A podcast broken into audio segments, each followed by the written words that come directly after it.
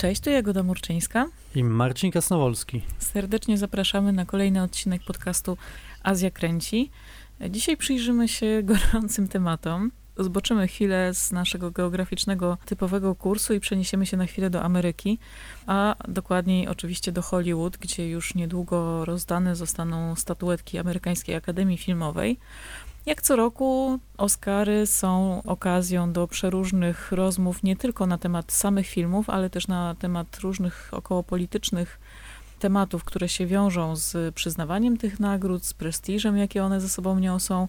Budzi to wiele emocji, wiele kontrowersji i jest to chyba taka unikatowa sytuacja w skali świata, bo rzeczywiście mimo tego, że podobne dyskusje toczą się tak naprawdę na wielu festiwalach filmowych, dotyczą wielu gremiów, które przyznają nagrody, ale Oscary z jakiegoś powodu, mimo tego, że wielu wciąż uważa je za taką dosyć zmurszałą instytucję, która już powinna być w jakiś sposób zreformowana i to powoli się tam toczy, to jednak no, Oscary są takim drogowskazem dla światowego kina dotyczącym i tematów, i form, jakie się w tym światowym kinie pojawiają, i tego, jak wyglądają bieżące trendy właśnie polityczne. Ja nie śledzę Oscarów tak z roku na rok i wydaje mi się, że przez, e, przez ostatnie długie lata właśnie Oscary były zmurszałą instytucją, nawet nie dosyć, ale po prostu bardzo i tak naprawdę były skupione wyłącznie na, na kinie hollywoodzkim. To się trochę zmieniło ze względu na to, że zmieniły się po prostu obraz w ogóle kinowy i filmowy na świecie, a także no, pojawiły się naciski na to, żeby zmienić grono ludzi, którzy decydują o tych filmach, które są nominowane i o tym, które potem zdobywają Oscary. Tak się stało i rzeczywiście teraz e, to grono ludzi jest bardziej różnorodne etnicznie, co wpłynęło bezpośrednio na na, na, te filmy, które zostają wybierane i tak naprawdę to, że my w ogóle mówimy dzisiaj o nominacjach do Oscara, no to dobrze, to znaczy, że te Oscary stają się coraz bardziej azjatyckie w pewnym sensie. W zeszłym roku doszło do absolutnego przełomu. To ten wielki rok, w którym koreański film i koreański przemysł filmowy zdobył najwięcej wyróżnień w ogóle na wszystkich festiwalach światowych dzięki filmowi Parasite który stał się jakąś sensacją absolutną i ta ilość nagród, jakie on zdobył właśnie też w czasie Oscarów, było zaskoczeniem także dla samej branży i dla samego Hollywood. My zaczęliśmy w ogóle nasz podcast rok temu właśnie od filmu Parasite, także jest to ważny też dla nas film. Natomiast ta nagroda dla Parasite była zaskoczeniem, a w tym roku można powiedzieć, że Korea także będzie obecna na, na Oscarach. Film Minari nie jest to film koreański, jest to film zrealizowany przez Lee Isaaca Changa, czyli przez Amerykanina koreańskiego pochodzenia. Jest to produkcja w 100% amerykańska, natomiast jest to film y, no, bardzo mocno zanurzony w doświadczeniu imigracyjnym samego reżysera. I także jest to film, który bardzo mocno rezonuje wśród w ogóle Amerykanów azjatyckiego pochodzenia, wśród Koreańczyków, którzy oglądają ten film po prostu z, ze łzami w oczach. I co ciekawe, jest to film, który znakomicie też został odebrany w samej Korei. To, to się rzadko zdarza, żeby taka sytuacja miała miejsce. To jest też y, troszkę pokłosie sukcesu ubiegłorocznego filmu Kłamstewko, też dotyczącego migrantów, y, w tym, w tym wypadku akurat y, z Chin. E, I takie świadectwo tego, że właśnie o tych historiach amerykańsko-azjatyckich też coraz chętniej się mówi właśnie w mainstreamie, bo do tej pory było trochę takich filmów, dużo dokumentów, ale, ale takich pomniejszych jakichś fabuł pokazujących bardzo specyficzną i bardzo ciekawą tak naprawdę, mało znaną w takiej powszechnej świadomości historię migracji Koreańczyków do Stanów Zjednoczonych, ale też historie związane z Japończykami, z obozami dla Japończyków w USA. Cała fascynująca historia e, chińskiej migracji, którą no, prawdopodobnie będziemy mieli szansę obejrzeć na ekranie niebawem, przynajmniej na to liczymy, bo to taka wielka od lat zapowiadana produkcja Wong Kar który miał zrobić serial właśnie o tych chińskich migrantach, takie trochę, trochę ojciec chrzestny w wersji właśnie tej chińskojęzycznej mniejszości. Ten serial ciągle jeszcze nie powstał, mimo tego, że był zapowiadany na zeszły rok, no pewnie ma problemy produkcyjne i wiemy, że Wong Kar jest znany z cyzelowania każdego detalu, więc tutaj czekamy na tą produkcję. Ale jest to właśnie świadectwo szerszego takiego trendu. Myślę, że poświęcimy Minari osobny odcinek i porozmawiamy trochę więcej właśnie o tych e, zjawiskach, o tych fabułach, o tych narracjach, bo jest to naprawdę fascynujące. No a sytuacja Azjatów w Stanach jest w ogóle też teraz bardzo sytuacją skomplikowaną. Tak, no dokładnie. O tym się na przykład w Polsce nie mówi i też w Stanach też te przestępstwa na tle rasistowskim skierowane do osób pochodzenia azjatyckiego, one są inaczej klasyfikowane. One bardzo rzadko są klasyfikowane jako przestępstwa na tle rasistowskim, ale jest to od wybuchu pandemii koronawirusa jest to gigantyczny problem. Te statystyki rzeczywiście wystrzeliły, aż trudno uwierzyć, że ludzie działają w ten sposób, że, że teraz w każdej osobie azjatyckiego pochodzenia postrzegają jakieś zagrożenie do tego stopnia, że dochodzi do wyzwisk, do pobić i tak dalej. No jest to przerażające i smutne zjawisko. Ostatnio strzelanina w Atlancie, kiedy młody napastnik zastrzelił 8 osób, w tym sześć kobiet pochodzenia azjatyckiego. Były to kobiety, które pracowały w, w salonach masażu. Też się y, mówi, że to, w jaki sposób kino przez dekady pokazywało właśnie osoby azjatyckiego pochodzenia, też ma wpływ na takie stereotypy. Tak jak mówisz, myślę, że zdecydowanie, kiedy wreszcie Minari wejdzie do polskich kin, a ta data premiery ciągle jest przesuwana, to po prostu zrobimy o tym osobny odcinek, bo to jest cała, cała historia tak naprawdę 100 lat kina, tego jak Azjaci byli pokazywani w, w kinie głównego nurtu, jak sami próbowali te swoje historie na ekranach pokazać. Tak naprawdę wszystko się zmieniło od filmu, o którym często wspominamy, czyli od bajecznie bogatych Azjatów. Był to film, który tak naprawdę nie jest artystycznie bardzo ważny, natomiast właśnie dla, dla tego tematu okazał się absolutnie przełomowy. Tak, mówiliśmy, wspominaliśmy też o bardzo bogatych Azjatach. To fascynująca w ogóle produkcja i cała jej historia. No ale tegorocznym takim dużym tematem, jeśli chodzi o połączenie Chin i Hollywood, była Mulan, która ma co prawda tylko dwie nominacje za efekty specjalne i za kostiumy. No ale to był taki ciekawy przykład gestu wykonanego przez e, Disneya, żeby sięgnąć po tą starą chińską legendę, bardzo ciekawą. Też poświęciliśmy Mulan osobny odcinek, do którego odsyłamy, jeśli są Państwo zainteresowani pogłębieniem sobie tego, bo to naprawdę fascynująca opowieść, fascynująca bohaterka i, i kulisy tej produkcji, ale to miał być taki gest Hollywoodu w stosunku do Chin, który się nie udał. Nie do końca odniósł ten film sukces. Nominacje są za kostiumy, co oczywiście jest też bardzo znaczące, bo kostiumy tu są niezwykle efektowne. Wykonano bardzo dużo pracy, żeby tą chińską historię ubrać w jakieś e, takie bardzo efektowne, kojarzące się z Chinami strony. Natomiast oczywiście, jak tylko pojawiły się pierwsze zwiastuny, już internauci zaczęli wytykać błędy historyczne, mieszanie epok. No, nie jest to film realistyczny, to też jakby trzeba zaznaczyć, że to nie chodzi o to, żeby wiernie oddać konkretne broszki i konkretne kapelusze z bardzo precyzyjnego okresu, natomiast rzeczywiście no same te kostiumy też stały się przedmiotem kontrowersji. Wspomniałaś Chiny i właśnie skupmy się na, na Chinach, dlatego że no, tegoroczne nominacje do Oscarów mają bardzo dużo wspólnego z Chinami, można powiedzieć. Teraz powiemy o szeregu tytułów, które e, Jesteśmy w takiej bardzo ciekawej sytuacji. Są to nominacje, na które Chiny czekały przez długie lata. Chińczycy marzą o tym, żeby zaistnieć, można powiedzieć, żeby ich twórcy żeby ich kultura zaistniała wreszcie właśnie na Oscarach. I tak się w tym roku stało. Jednocześnie jest parę takich cierni, które bardzo im uwierają i które sprawią, że może dojść w ogóle do tego, że na przykład cała gala rozdania Oscarów nie będzie relacjonowana na żywo, a po drugie w ogóle zostanie wygumkowana. To jest myślę dosyć charakterystyczne w ogóle dla chińskich relacji ze światem festiwali, bo no z jednej strony mamy tą presję i właśnie taką potrzebę pokazywania tej chińskiej potęgi wszędzie za granicą i tego, żeby Chiny odnosiły triumfy, ale co i rusz to się nie udaje i całe te historie, o których mówimy też wielokrotnie, już, już pojawiało się to na łamach tego podcastu, że jak tylko jakiś twórca znajdzie się na festiwalu zagranicznym, to zaraz są jakieś problemy. A jak filmy trafiają do selekcji, to nagle mają jakieś problemy techniczne. Okazuje się, że jednak nie można ich tam pokazać, bo nie w takim świetle prezentują Chiny i Chiny chciałyby jednak, żeby te światła reflektorów padały trochę na inne tematy, które z kolei tej zachodniej widowni niekoniecznie interesują. No i to jest cały czas takie siłowanie się, no i te kolejne historie, które tutaj co roku się powtarzają. No i tak naprawdę znowu się to przydarzyło, tak jak mówisz, bo mamy tutaj kilka tych chińskich wątków w nominacjach, zaraz będziemy o nich mówić. No jednym z takich ciekawszych przypadków jest film Better Days, który właśnie miał taką historię za sobą. On miał być pokazany na festiwalu w Berlinie. To jest historia bardzo efektowna, bardzo ciekawa zresztą, opowiadająca o przemocy w chińskiej szkole, o znęcaniu się nad sobą e, uczniów nawzajem. Film e, ma w ogóle hongkońskiego reżysera, młodego twórcę, który właśnie pochodzi z Hongkongu, nakręcił ten film w Chinach, on opowiada o Chinach, ale ma też produkcję hongkońską i w Oscarach startuje właśnie jako kandydat Hongkongu tak naprawdę.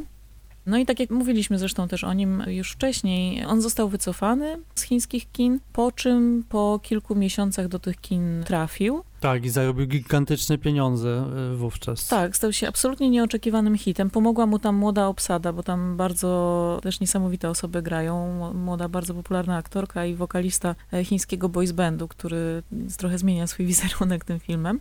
Trafił dlatego prawdopodobnie, że wtedy Chiny akurat realizowały taki program przeciwdziałający przemocy w szkole i trochę poszedł ten film już z takim komentarzem, że to są problemy, które były być może, ale zostały już rozwiązane i teraz już nasze szkoły właśnie tak nie wyglądają i trochę tutaj jakby ostrzegamy was przed tym, żeby to nie powróciło i żeby nie było takich sytuacji już w tych wspaniałych chińskich szkołach. Tak, no to jest stary numer chińskiej e, cenzury, chi, chińskich twórców, czyli jeżeli są jakieś problemy, to wyrzucić je w przeszłość i powiedzieć, że tak było, ale już tak nie jest. Chiny już są wolne od przestępczości od przemocy w szkołach. Niezależnie od tego, sam film, tak jak mówiłaś, jest znakomity. Mi się on bardzo podobał. To jest, z jednej strony właśnie pokazuje taką bardzo brutalną historię, z drugiej strony jest to bardzo melodramatyczna też historia związku tych y, bohaterów. Nie wiem, mam nadzieję, że, że go zobaczymy w Polsce. Póki co to się nie udało. Czytałem gdzieś, że jest sygnalizowane to, że, że też Chińczycy się cieszą z tej nominacji, no bo Hongkong teraz jest y, nominalnie częścią Chin, natomiast sam reżyser wykazuje pewne prodemokratyczne sympatie no co nie jest w Chinach mile widziane, więc y, o tej nominacji nie mówi się jakoś zbyt dużo. Ale, ale na pewno y, Chińczyków bardziej cieszy nominacja dla Better Days niż na przykład gdyby tą nominację miałoby zdobyć tajwańskie Esan, też znakomity film, ale, ale film, który przepadł niestety.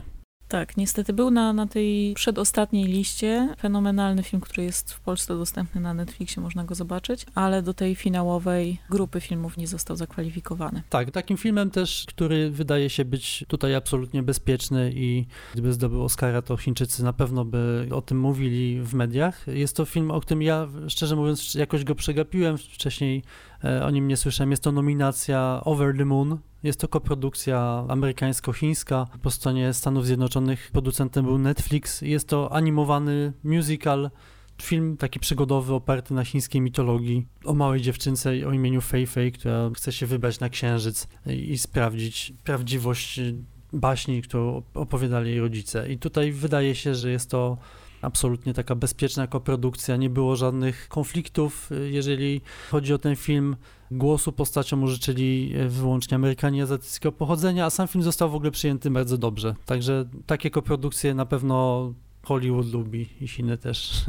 Tak, być może tutaj wcale bym się nie, nie, zawahała przed taką diagnozą, że o ile właśnie Disney tutaj z, ze swoją Mulan trochę wyszedł jednak z takiej pozycji tutaj wielkiego producenta, który tak sobie spogląda na te Chiny i coś by chciał, ale w zasadzie nie wie od której strony się do tego zabrać, no to Netflix jest takim graczem, który doskonale zna te azjatyckie rynki, działa tam od dłuższego czasu, ma swoje gigantyczne studia wszędzie i też czuje lokalną widownię, czuje jej gusty, wie jakie tematy są drażliwe, na co trzeba zwracać uwagę, no i jednak to myślę tutaj akurat w tym przypadku zaprocentowało. Mimo tego, że nie jest to wielgachna produkcja, to jednak ten rodzaj takiej wrażliwości na lokalne rynki jest ważny tutaj w tym kontekście. No tak, na pewno jest to przykład tego, że jak się chce, to można bezpiecznie współpracować. Teraz dla, dla Hollywoodu to jest największa bolączka, to jest właśnie, to są te kontrowersje, które wynikają nagle, tak jak w przypadku Mulan rzeczywiście, nic co miało dobrze pójść, to dobrze nie poszło.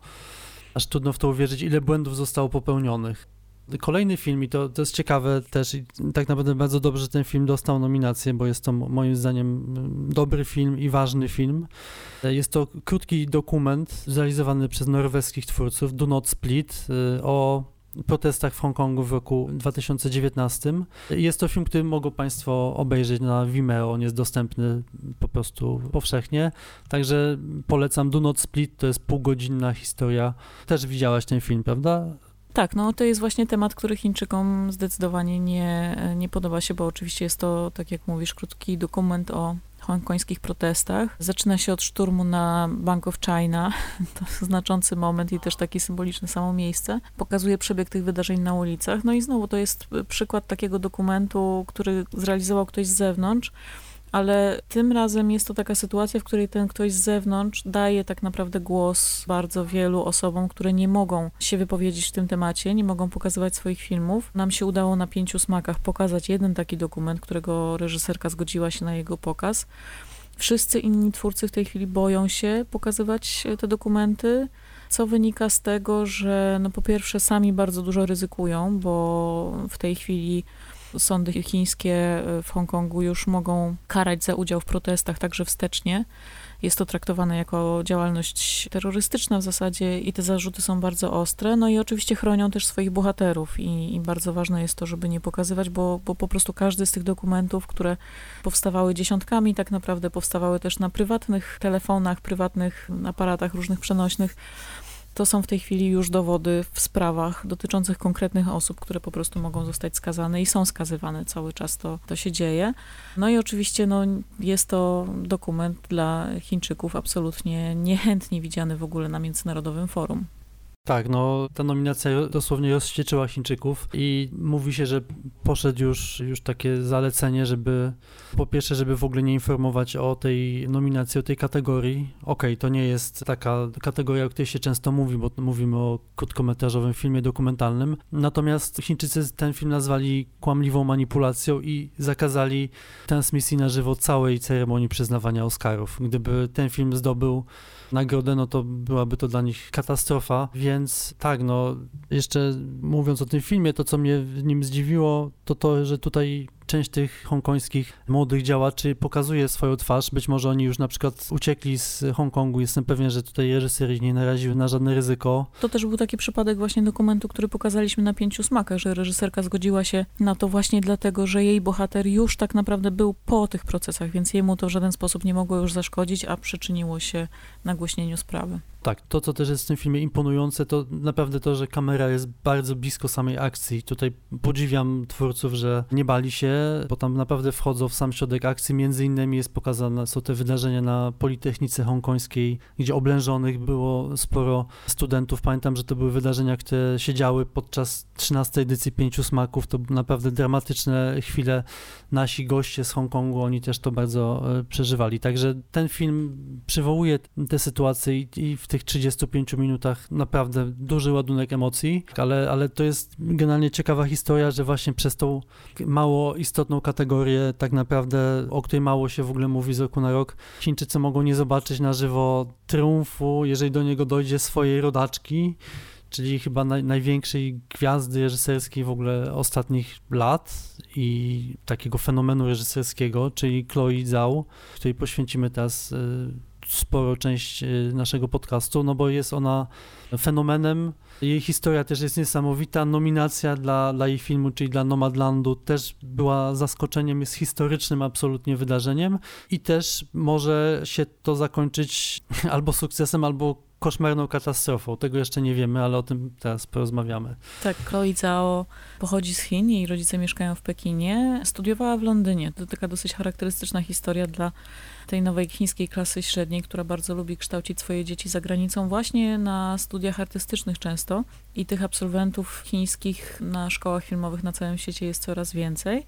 Natomiast historia Chloe Zhao jest nietypowa, bo ona zdecydowała się pozostać na zachodzie, przeniosła się tam do Stanów, zaczęła studiować film, przenosiła się wielokrotnie w ramach samego kontynentu amerykańskiego i w końcu wylądowała w Nowym Jorku. I jest taką bardzo energiczną osobą, bardzo, bardzo taką zdeterminowaną w tym, co robi. I to jest ciekawe, bo no tak jak mówię, tych absolwentów uczelni artystycznych pochodzenia chińskiego jest y, coraz więcej i robią bardzo ciekawe rzeczy, przy czym wielu z nich jednak wraca do Chin, wraca do swoich ojczyzn. To też nie jest zresztą nietypowe, bo tych twórców azjatyckiego pochodzenia, którzy właśnie tak kończyli edukację na zachodzie, a potem wracali do swoich krajów i, i robili ciekawe rzeczy, to są oczywiście dziesiątki biografii. Chloe zdecydowała się nie tylko pozostać na zachodzie, ale też brać na warsztat w ogóle zachodnie, amerykańskie, bardzo amerykańskie, takie tożsamościowe wręcz historie. Tak, no to jest niesamowite właśnie, że tak naprawdę w ogóle w jej twórczości, no, no nie, ona jest bardzo amerykańską reżyserką. Widać, że, że ją fascynują. Ona ma bardzo nietypowy, y, można powiedzieć, model pracy reżyserskiej i researchowania swoich tematów. Ona zaczyna je badać jak, jak dokumenty dokładnie. Ona jedzie w jakieś miejsce albo poznaje kogoś, rozpoznaje temat i dopiero potem na kanwie, można powiedzieć, swoich obserwacji wnikliwych i bardzo często długich zaczyna budować fabuły Także no jej debiut z roku 2015, Pieśni Braci Moich, to jest film, który został nakręcony w rezerwacie Indian w Dakocie Południowej. Jak na reżyserkę chińską jest to dosyć ciekawy kierunek. Tak, i drugi film, Jeździec, to była z kolei taka historia o kowboju, który który się szkoli, który bierze udział w rodeo, doznaje poważnego wypadku i musi sobie radzić z tym, że spektakularnie zapowiadająca się kariera, która tak naprawdę była w ogóle jedyną dla niego jakąś opcją w życiu. W ogóle nie wyobrażał sobie bez tego zajęcia jakiejkolwiek swojej egzystencji, co też jest w ogóle taką opowieścią, taką narracją bardzo, bardzo amerykańską, tożsamościową, tak jak mówię, związaną też z przeróżnymi takimi konstrukcjami męskości i e, tego, co najważniejsze w życiu dla e, prawdziwego amerykańskiego faceta. Bardzo dużo tam było takich niesamowicie wnikliwych, no to aż takie ciarki budziło, pamiętam ten seans, że oglądamy to z jednej strony w bardzo takiej świeżej perspektywy, a z drugiej strony, że udało się tej reżyserce dotrzeć absolutnie do sedna i e, do bardzo ważnych takich emocjonalnych kwestii dotykających tej kultury amerykańskiej. I tak jak mówię, jest to ścieżka bardzo ciekawa, dlatego też, że każdy z tych filmów wywołał bardzo duży oddźwięk,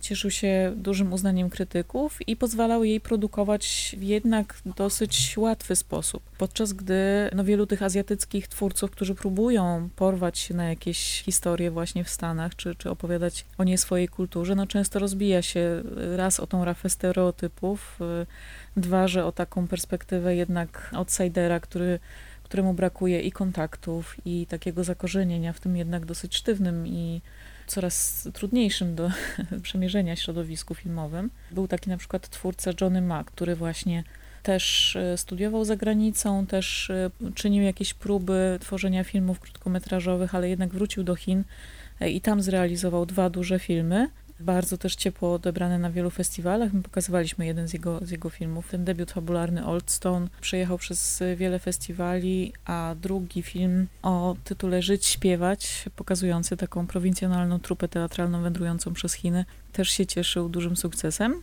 No i ostatnio znowu Johnny chciał zrobić taką chińską trylogię, a okazuje się, że jednak zderzenie z chińskim sposobem produkowania filmów trochę go przerosło i, i sfrustrowany wraca nawet nie tyle na zachód, bo on teraz zdaje się produkuje jakiś film w Meksyku. Więc też ta trajektoria, mówię tylko o tym, że te trajektorie są tak naprawdę bardzo trudne. Niedawno na festiwalu w Berlinie swoją premierę miała produkcja e, młodej reżyserki Sheng Zetsu, która stworzyła film swoją drogą o Wuhan, taki eksperymentalny projekt, ale to jest taka charakterystyczna właśnie ścieżka, że, że oni tutaj studiują często, a wracają do swojej ojczyzny i szukają tam tych opowieści swoich, które chcą pokazać e, światu i to są oczywiście produkcje bardzo ciekawe, natomiast no, droga Chloe jest tym bardziej e, oryginalna i nietypowa. Tak, ja e, szukając jakby przyczyny tego niesamowitego tempa jej kariery, czytałem rozmowy z jakimiś ludźmi, którzy z nią współpracowali bardzo wcześnie, kiedy ona jeszcze debiutowała i wszyscy mówili, że ona miała w sobie tyle niesamowitej energii i zamiast gadać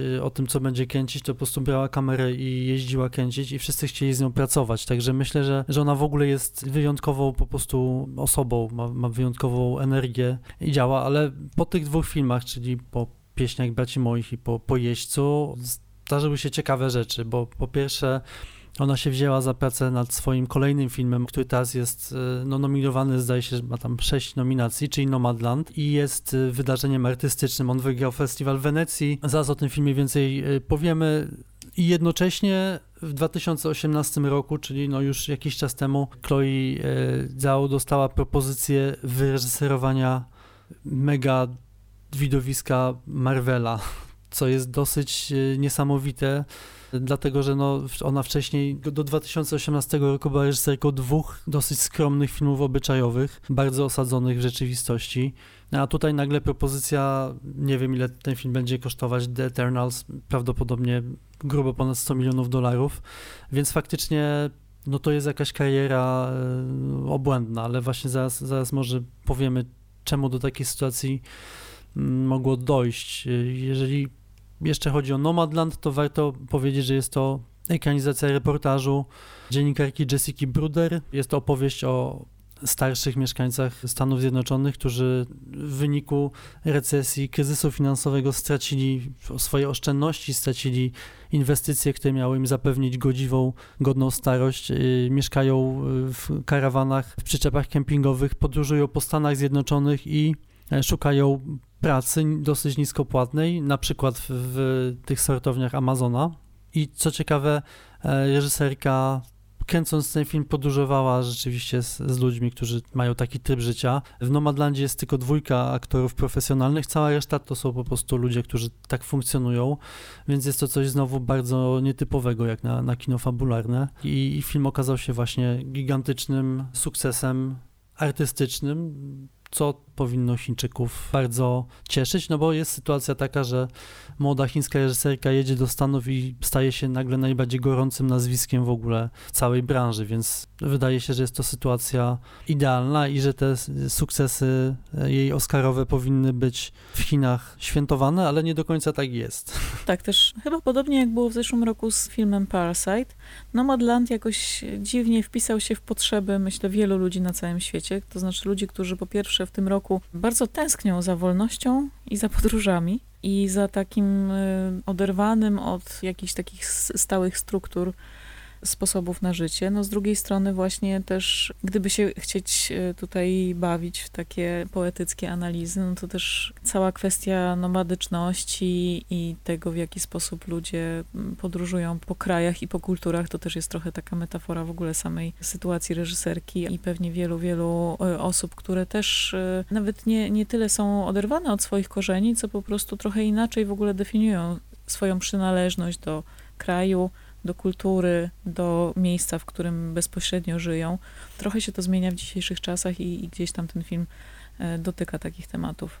No tak, no i y, jesteśmy w tym momencie w, w, takiej sytuacji, że Chloe Zhao dostała, znaczy jej film dostał sześć nominacji, ona sama dostała nominację za, e, za najlepszą reżyserię, jeżeli wygra a ma na to duże szanse, to, to będzie też y, wydarzenie historyczne. No ale właśnie, co, co z tymi Chinami, jak one na to zareagowały, bo to jest, ta reakcja jest niesamowita. Tak, no Chiny zareagowały z dużym entuzjazmem, bo ona już wcześniej zdobyła Złotego Globa za reżyserię, ale dzień po tych nominacjach do Oscara nagle okazało się, ktoś wyciągnął w, w, chińskim internecie jej dwa wywiady z dwóch różnych okresów jej życia. Jeden wywiad z roku 2013 dla czasopisma Filmmaker. W nim Chloe Zhao powiedziała, że Chiny są krajem pełnym kłamstw. A w kolejnym wywiadzie, zdaje się z, tego, z tego roku albo z zeszłego, powiedziała, że Chiny nie są jej ojczyzną, że jej ojczyzną są Stany Zjednoczone. I dla Chińczyków, e, zarówno dla klasy politycznej, dla partii komunistycznej, jak i dla po prostu zwykłych obywateli tego kraju, internautów, no takie słowa są e, absolutnie niedopuszczalne. To znaczy, to jest zdrada, można powiedzieć. I zaczęło się błyskawiczne gumkowanie w ogóle całego tematu, zarówno jej jako reżyserki, jak jej sukcesu w nominacjach do Oscarów i no też premiera Nomadlandu została wyznaczona w, w Chinach na kwiecień i nie był tam typowany na przebój, ale miał wprowadzić jakby Chińczyków w ogóle w, w jej twórczość i przygotować grunt pod ten kolejny wielki film Marvela. Cała ta promocja filmu też jest bardzo mocno wygłuszana, a sam film, ta premiera została wstrzymana. Czyli jest to no tak, no, no po prostu z, z, nieba do, do piekła w jeden dzień po prostu. Tak, oczywiście pojawiło się też masę gestów zaraz, żeby, żeby wymazać też te wywiady, bo tutaj myślę, że to jakby producenci tutaj, można się domyślać, kto reagował i kto próbował, gdzieś ten wywiad zniknął, potem się znowu pojawił, potem coś tam było edytowane. Widać, że wzbudziło to absolutną panikę. Też wcale bym się nie zdziwił, jak gdyby sama reżyserka miała już teraz coś innego na myśli, bo wywiad sprzed siedmiu lat minęło masę, masę czasu i tak naprawdę sama, sama twórczyni też z pewnością dojrzała i, e, i może niekoniecznie chciałaby się pod, teraz pod tym podpisać, natomiast no rzeczywiście pojawił się, już, już znowu wydawało się, że tak, tak będzie pięknie i taka cudna historia i e, happy end, no ale, ale nie. Tak, no właśnie, bo cały można powiedzieć, problem polega na tym, że ten film, kolejny film, który ona wyreżyserowała, film The Eternals, którego producentem jest Disney, a który zdaje się, ja się nie znam na filmach Marvela, ale to ma być y, pierwszy film w kolejnej fazie tego całego w ogóle uniwersum Marvela. Ma to być y, wreszcie film, który znowu połączy Stany i Chiny i będzie właśnie tym, czym miała być Mulan, ale się nie stała. Premiera The Eternals zaplanowana na listopad y, w tym momencie. Wszystko wskazuje na to, że zarówno Stany Zjednoczone, jak i Chiny w listopadzie już będą, znaczy Chiny już sobie poradziły z koronawirusem, Stany bardzo szybko się szczepią i w listopadzie już będą po pandemii. I to miał być film, który znowu udowodni jakby, że, że Hollywood jest największą fabryką filmową świata i że, że łączy widzów na całym świecie. Wcześniej zasugerowałem, że to, że tak naprawdę mało doświadczona w kinie komercyjnym e, artystka dostała w ogóle szansę wyreżyserowania tego filmu, że to nie jest przypadkowe i wydaje mi się, że nie jest. Wydaje mi się, że pomysł od samego początku był taki, oprócz tego, że ona jest bardzo zdolną twórczynią, to jednak reżyserka wywodząca się z Chin, która stoi na czele takiej produkcji, jakby zwielokrotnia szansę tego filmu właśnie w Chinach. E, więc tutaj decyzja castingowa Disneya była absolutnie genialna. Tak się przynajmniej wydawało. Tak się przynajmniej wydawało. Pytanie, co się wydarzy, jak ten kryzys PR-owy się uda rozwiązać. W tej chwili no, podejrzewam, że każda wypowiedź Chloe Zhao przechodzi przez dziesiątki rąk i to, co ona ewentualnie powie na Oscarach, e, no przyznam, że, że tak po ludzku no, nie zazdroszczę tej, tej sytuacji, bo tutaj rzeczywiście naciski są ogromne. No i chyba też znowu pierwszy raz będę z wypiekami, od, od dawna pierwszy raz będę z wypiekami śledzić Oscary i, i żeby, żeby się dowiedzieć, co tutaj się stanie. Trzymam mimo wszystko kciuki za, za reżyserkę i za to, żeby udało się jej wyjść z impasu i po prostu robić swoje rzeczy, bo robi je po prostu genialnie i, i mam nadzieję, że ta niezależność nie będzie musiała gdzieś tam przed tą wielką polityką schować.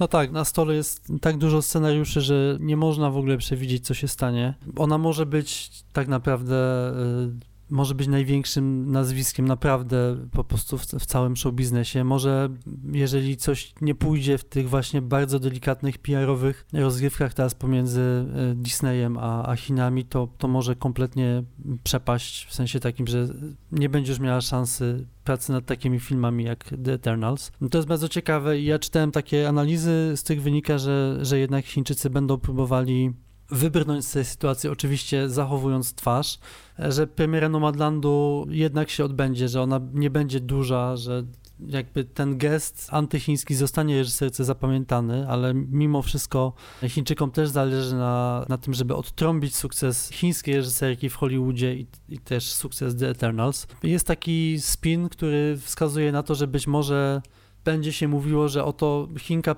pojechała do, do Stanów Zjednoczonych i nakręciła tam film o tym, że, że Stany Zjednoczone nie są jednak tak idealnym krajem, skoro starsi ludzie nie siedzą, nie odpoczywają pod palmami w Kalifornii, tylko po prostu podróżują i pracują. I to, to mi się bardzo podoba, bo tak faktycznie może być. I przypuszczam, że, że tutaj taka narracja by przeszła i wszyscy byliby z niej zadowoleni, bo tak naprawdę najważniejsze są te pieniądze, które Disney będzie mógł wyciągnąć z chińskiego rynku właśnie w listopadzie. No zobaczymy. To będzie kolejny ciekawy rok tych rozgrywek. Nawet jeśli nie do końca bierzemy je pod uwagę, dokonując naszych wyborów filmowych, to i tak są to ciekawe sytuacje. My z kolei w kolejnym naszym odcinku będziemy się przyglądać również reżyserkom, ale nie tylko, bo y, już niebawem rusza nasza wspaniała, długo wyczekiwana platforma VOD, Pięć smaków w domu na którą już teraz serdecznie zapraszamy. 8 kwietnia zaczną się na tej platformie pojawiać stałe cykle. Będziemy zmieniać co kilka tygodni takie programy, które przygotowujemy. To będą zawsze jakieś kilka filmów skupionych wokół jakiegoś tematu albo kraju, albo reżysera. E, bardzo jesteśmy podekscytowani tą perspektywą, bo ona nam daje możliwość przypomnienia różnych filmów z archiwów festiwalu i podzielenia się tym, co kiedyś się spodobało nam i naszej widowni, ale też sięgnięcia trochę do takich tytułów, które nigdy nie miały swojej premiery na e, dużych ekranach w Polsce, ani na festiwalach, ani nie trafiły do żadnej szerszej dystrybucji, a są to filmy, które gdzieś nam się zapisały w pamięci które są ważne w ogóle dla kierunków rozwoju tych kinematografii azjatyckich i nie tylko, bo, bo światowej też. No I pierwszym takim cyklem, na który Was zaprosimy, będą Koreanki co wynika, no znowu to jest takie pokłosie trochę sukcesu Parasite i też sekcji Parasite, którą prezentowaliśmy w tym roku na pięciu smakach. To kino Korei się rozwija prężnie. Teraz chcemy się skupić na filmach, w których centrum stoją bohaterki, bohaterki, które dokonują różnych nietypowych wyborów życiowych, które stają na życiowych zakrętach. No i oczywiście porozmawiamy też o tym szerzej e, w kolejnym odcinku naszego podcastu. E, także serdecznie Dokładnie tak. zapraszamy. Bardzo mocny line-up, sześć świetnych filmów z takim twistem. Nie są to wybory oczywiste, ale tak jak mówisz, o tym e, za dwa tygodnie w kolejnym odcinku Azja Kręci. Do usłyszenia. Do usłyszenia, dziękujemy.